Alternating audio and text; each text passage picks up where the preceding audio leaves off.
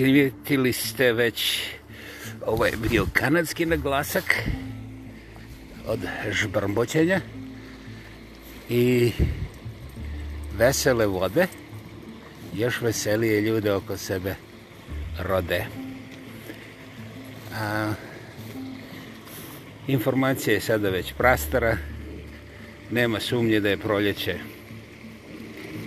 procvjetalo mada se to desilo na mnogim mjestima mjesecima ranije. Ali, Bože moj, jeli. Uglavnom, idemo službena najava, 1.3.3, 133. podcast. Slama se vama, ja pa ja. A ko bi drugi, Vladimir kreće ispod scjenovitih planina. Svašta se pročita. Ja imam tu nevolju, što sam izgleda predozirao na čitanje i umjesto šte znam da um, gucam nekakve pivine ovaj, i kave ili ne znam šta već ili recimo da jedem svaki dan sepet čvaraka ja se nekako liječim sa čitanjem čitanje me ne samo opušte, nego i nateše. Čitanje me pritiska i oslobađa pritiska. Čitanje mi radi nevjerovatne stvari. I ono što je za mene najljepše, ja pojma nemam, kad počinjem čitati šta će se desiti. Naime, vrlo malo je ciljanog teksta kojeg je radim sa posebnim zadovoljstvom, a onda nastavim takozvane slučajne članke da skupim sa svih krajeva, da isprovociram svoju misao, da ne budem uvijek u Prnjavoru, ponekad odem u Prnjavor predgrađe, ono, da mi se prošire ti, kako se to kaže, svijetonazori, ili da imam malo naš, ne samo jedna salata uvijek, nego da ima i neki dodatak. I tako to. Da, da, da, da, da, to je ono borba protiv jednoličnosti. Da, brak, ste već politički aktivni, onda jedno umlja, ali ta borba mi nekako izgleda kao i prckanje za nevinost. Ovaj, svi smo mi istinski jednoumni, umni Jedino je problem što smo u tome toliko uspješni da to jedno umlje više nije tako popularno koliko je stvarnost oko malo umnosti. Znate, taj stariji brat ispostavlja se ujedno i kao mlađi brat. Tako da, ovaj, džaba nam pametni telefoni, pogledajte. Uh, rezultate, ja ne bih o tome. Nisam, nisam baš presretan sa takvom. Vidi. Ovo je bila tehnička greška u koracima. Dakle, jasno vam je sve. Moje vam objašnjenje ne treba tu i idemo dalje. Jedan od tih članaka na koje sam tako taj random sequencing program koristeći naletio, kaže 212 srpskih intelektualaca buni se svome srpskom parlamentu kontra zakona koji ja nisam pročitao uspotrošeno, da budemo načito, ja nisam pravnik, ali ja kažem šta sam pročitao i na temelju pročitanog, a ne na temelju stvarnosti, jer opet ja nisam istražitelj koji zna sve detalje. Dakle, vi koji znate precizno detalje, guess what, ne morate se buniti kontra mene jer ja ni slučajno nisam rekao da sam ovaj kraj kraljeva i da ću narediti Srbima ovo ili ono, ali u srpskim novinama piše da je dokument potpisan od 212 srpskih intelektualaca, ima čak i spisak imena, jajk, i ovaj, za mene je to informacija koja kaže hej, znaš šta mada generalno vidim stvar promašenom iz masu razloga to ću uskoro objasniti ali puno je bolje da su oni potpisali svoj protest pa ga poslali parlamentu nego da su našli na ulicu nekog ovaj stručnjaka za ove praćinske pogodke koji može izdaljega ovako da uzme kao menčinu i da rastropa glavu tom zakonodavcu. Mislim, ne znam kako se zove, nije bitno. Ali hoću reći da je suština nekakve demokratske komunikacije upravo u tome da se ne ukoka ovaj drugi prije nego što, šta je znam, barem se ne poizređate međusobno. Dakle, to je napredno. Sve drugo je nazadno. Naime, nazadno je to što se oni bune kontra derana koji vole derane i to im je kao glavni problem nataliteta. I ovaj, to je moment koji ja ne opraštam svojoj majci koju volim više od svega na ovom svijetu, pa čak i samog sebe. Dakle, gospodo intelektualci, džaba vam vaše diplome, ja vas ni u školu više ne bih primio. Ta priča sa natalitetom je brutalizam. Nije čak ni fašizam zdravog razuma, nije ni genocid smisla. To je brutalni promašizam koji nije toliko promašen da ne bi nanio substancijalne štete ne samo vama, nego i vašim vlastitim sinovima i čerima, na načine koje vam ja neću objasniti, jer očigledno da vama intelektualac titula služi kao ukupna pozivna karta i da vi ne namjeravate konzumirati stvarne moći intelektualnih kapaciteta. Vama je važno da ste vi heteroseksualci sa diplomom. Znate, jadno je ipak na nekom puno višem nivou od vas. I ja ne želim, zapravo ne mogu da vas ponizim više nego što ste vi ponizili sebe, sa naglaskom na taj vaš intelektualni ozvaničeni status, jer da ste se potrudili da zavirite u i od vašeg intelektualnog, vi bi, na primjer, pogledali šta se dešava sa natalitetom i onda bi primijetili da gospoda istospolni koji vole ispo, istospolne, kroz gotovo cijelu povijest su bili opterećivani optužbama kako uništavaju familiju, a istovremeno, baš vi, gospodo intelektualci, ovih zadnjih 50 godina, niste učinili niti i da, na primjer, razbijete neke mitove koji su najprije brutalno krvavi. Recimo, da su ti homoseksualci, istospolci, pa onda ima tih međuspolaca, e, lepeza je preširoka i samo stručnjaci danas, ono, rijetki stručnjaci mogu s tim e, kvalitetno da barataju. Tako da već na ovom prvom koraku otpada i to i.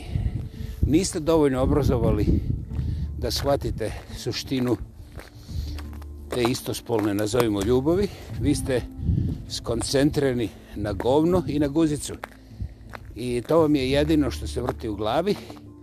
I to je, znate, brutalni primitivizam, jer ja ne opovrgavam da toga nema, ali kad, ako samo pogledate površno, vidit ćete da govana i guzice i kako ima, pa rekao bi čak i više guzice, u tim takozvanim povama svetim heterospolnim recimo aktivnostima i ovlaštenim ljudskim socijalno prihvaćenim formacijama kao što je na primjer brak. A ovaj većina vas ste iz nekakvih familija koje ja imam već identificirano i kada kažem većina, onda mislim 51% najmanje, a to je od broja 212, skoro 56. No, pardon, pardon, opro, oprošćavajte. 116, ovo je minimalno od vas 212 potpisanih i to vas ne zabrinjava. Vas zabrinjava da zostavite te nekakve onakve koji vole iste, iste kao što su oni i onda da spasite naciju ljudi moji, ovo nije dovoljno ni za sprdnju. Ali očigledno je da čak i takozvani intelektualci pojma nemaju zašto su išli u školu. I to ne brinite se. Političari imaju još manje veze s tim, tako da ste vi ono krpa našla za krpu. I feudalizam, rekoh li ja, polako ali sigurno, možda i dođe kad nam se recimo pokvare pametni telefoni pa budemo zjanili kad više ne budemo imali inspiracija u naš grad a i uče Krčiće će doći vitezovi svjetloga feudalizma jer do sada su nam uglavnom dolazili ovi sa talijanskim ulještenim cipelicama ravno iz, mislim, iz nekih e, krajeva dozgo sabrda. brda Dakle, zabrinutost za natalitet. Ne znam. Ne znam zašto mama nije rekla da pogledate u ogledalo prije nego što kažete susjedu da je ružan. Doista ne znam. Ali znam zašto su vaši popovi uvijek odobravali sve vaše popove provale pod jednim jedinim, jednim jedinim uvjetom samo da dođete u crkvu ne mora ni redovno ali skravene na vrijeme da ostavite koju kintu i ovaj tako dalje ne bih o tim ritualima ali baš u tim crkvama mnogi od tih gospode intelektualaca kad kažem mnogi onda ne govorim o iznad polovičnosti ili ispod polovičnosti ovaj broj debelo fluktuira i ja znam da postoji žestoko, znači da nije 0,2%, nego je ozbiljan broj, znači cijeli broj debelo iznad nule. Međutim, prije svega ni žrtve ne govore i pretvaraju se, pa onda ja ne samo da ne mogu, nego ne želim reći pouzdan broj, ali mogu tvrditi i hoću tvrditi da je pouzdano to jedan dio te tradicije tih čistunaca koji su kao djeca u svojim crkvama ovo me boli izgovoriti, stvarno me boli, ono drob, ne samo drob, opucam i jetru. Imali raznorazne oblike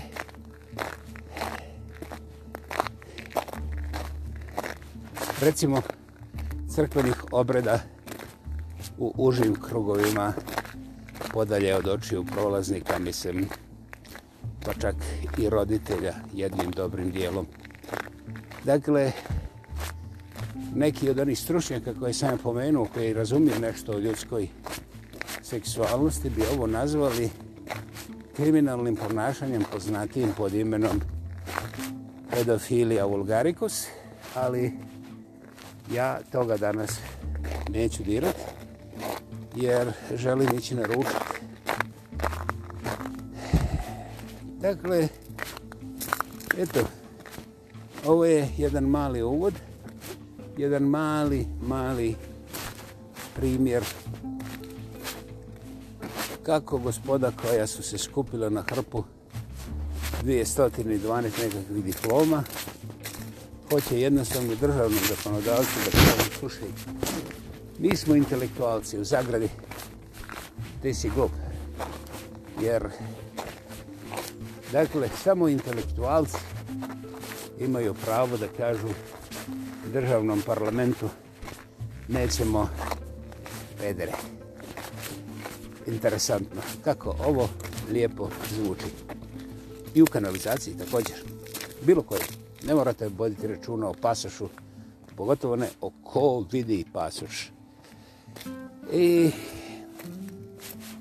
gospode intelektualci se nisu potpisali kao zabrnuti roditelji, nisu se potpisali kao ljudi dobre volje koji žele pomoći. I sad da ne redam, nego njima je bilo glavno da se njihova lista naimenuje kao zabrinuti intelektualci protestiraju kontrast proću jeli ovih što vole ove. E, da li bih ja rekao zbogom pameti? Pa znate, to je potpuno bespredmetno jer kako trala lajsati zbogom Marsovac kad ja tog Marsovca nisam ni sreo. Ne znam to mi je onako eto, zgodno. Eto, dakle, to je svijet u kome mi živimo.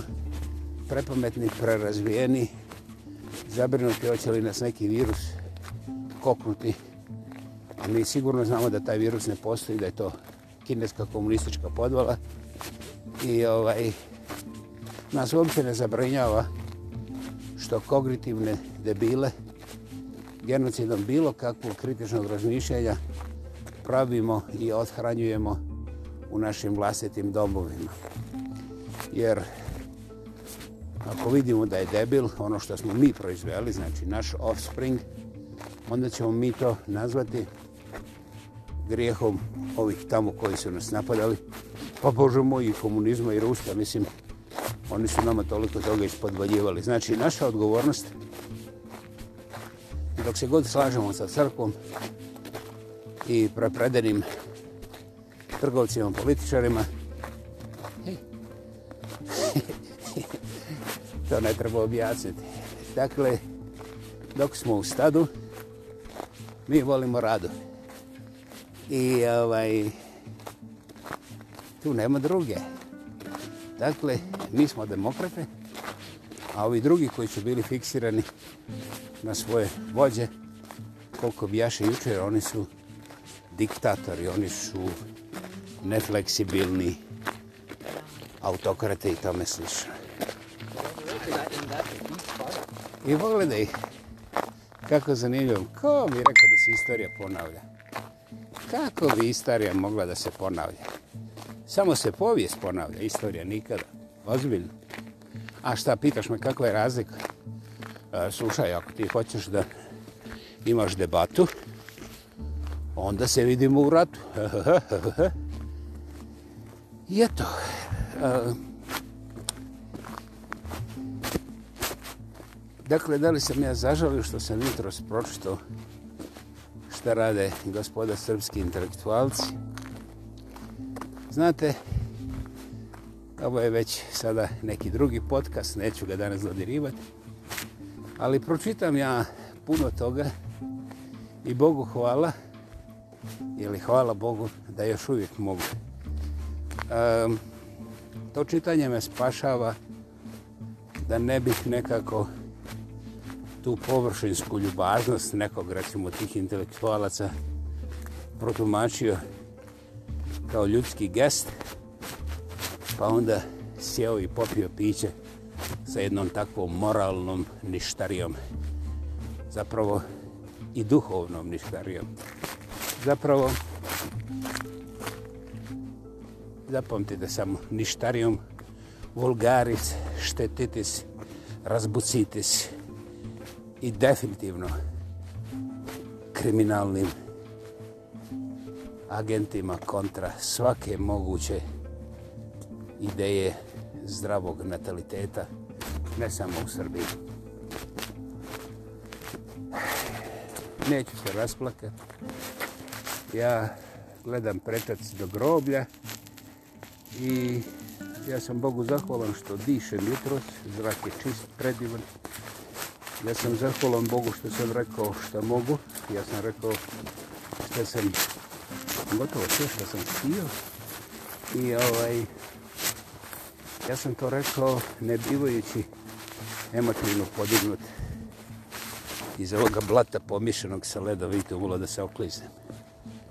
Dakle, ja još uvijek hodam i to je moje, Boga mi, najveće dostignuće, jer ja sam već na nizbrdici, ima ho, ho, ho godina i ne plašite se mene, gospodine intelektualci, vaše diplome su sigurne, i vaši aplauzi tek čekaju.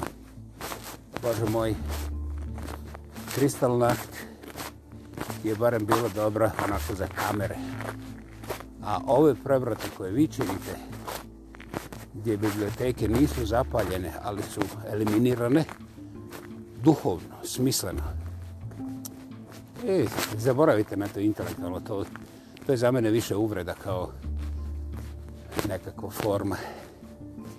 Dakle, idite kod svojih popova, pokušajte nastaviti ono što ste radili kad ste bili u ranom pubertetu. Znaš, oni će vam pokazati šta je istospolna ljubav i kako se bori za natalitet. E, ja nemam ništa protiv nikoga od vas. Vi ste bjedni lažovi i nemojte misliti da lažete svijet oko sebe. Vi ste monumentalni, neprevaziđeni, neprevazi, monumentalni i neprevaziđeni lažovi vaše vlastite egzistencije i onda ste prvi i najmoćniji, najrazorniji genocid za svoju vlastitu krv, kako volite da ikate, ili gnjev, uh, e, gnjevnetik, ili genome, ili... Aaaa! ginekologa. Nije. A gene, gene. A, to, to. Juj, čovječ, ovo sam čupo ko je zbunara od 9 metara. Dakle, ponosite se sa nekakvim genima. Ne bih o vašem intelektualizmu na toj razini. Previ sam, kada za mene, zavrti mi se u glavi, pa onda ne vidim ni gdje sam došao. Dakle, dušmana kojega tražite niste nikad ne imali i zato ne razumijete ni što vam ja govorim. Ali u svakom slučaju, um, ja sam rekao svoje. I sad, šta bih vam poželio? Da jednog dana sretnete svoje ogledalo.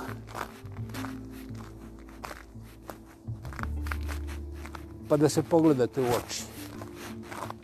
I vjerujte, to će učiniti za vas puno više nego da mene premlatite, pretresete, ispijete, ispričate zilion viceva i podlih trčeva, namestite mi ko zna šta i onda me naravno spalite jer ja sam vještica koja ne vjeruje ni u šta. Kao što vidite, vaš pogled sa strane na mene prilično jasan. Čak i onima koji ne poznaju mene jer taj princip kojim se vi služite nije nastao sa vašim diplomama, a eto, mada je to naivno, ja bih volio da vi probudite kapacitete svojih diploma, pa onda razmislite. To bi već bio nekakav napredak. Hvala vam na strpljenju, hvala vam na slušanju, hvala vam na pozornosti. Bila je ovo...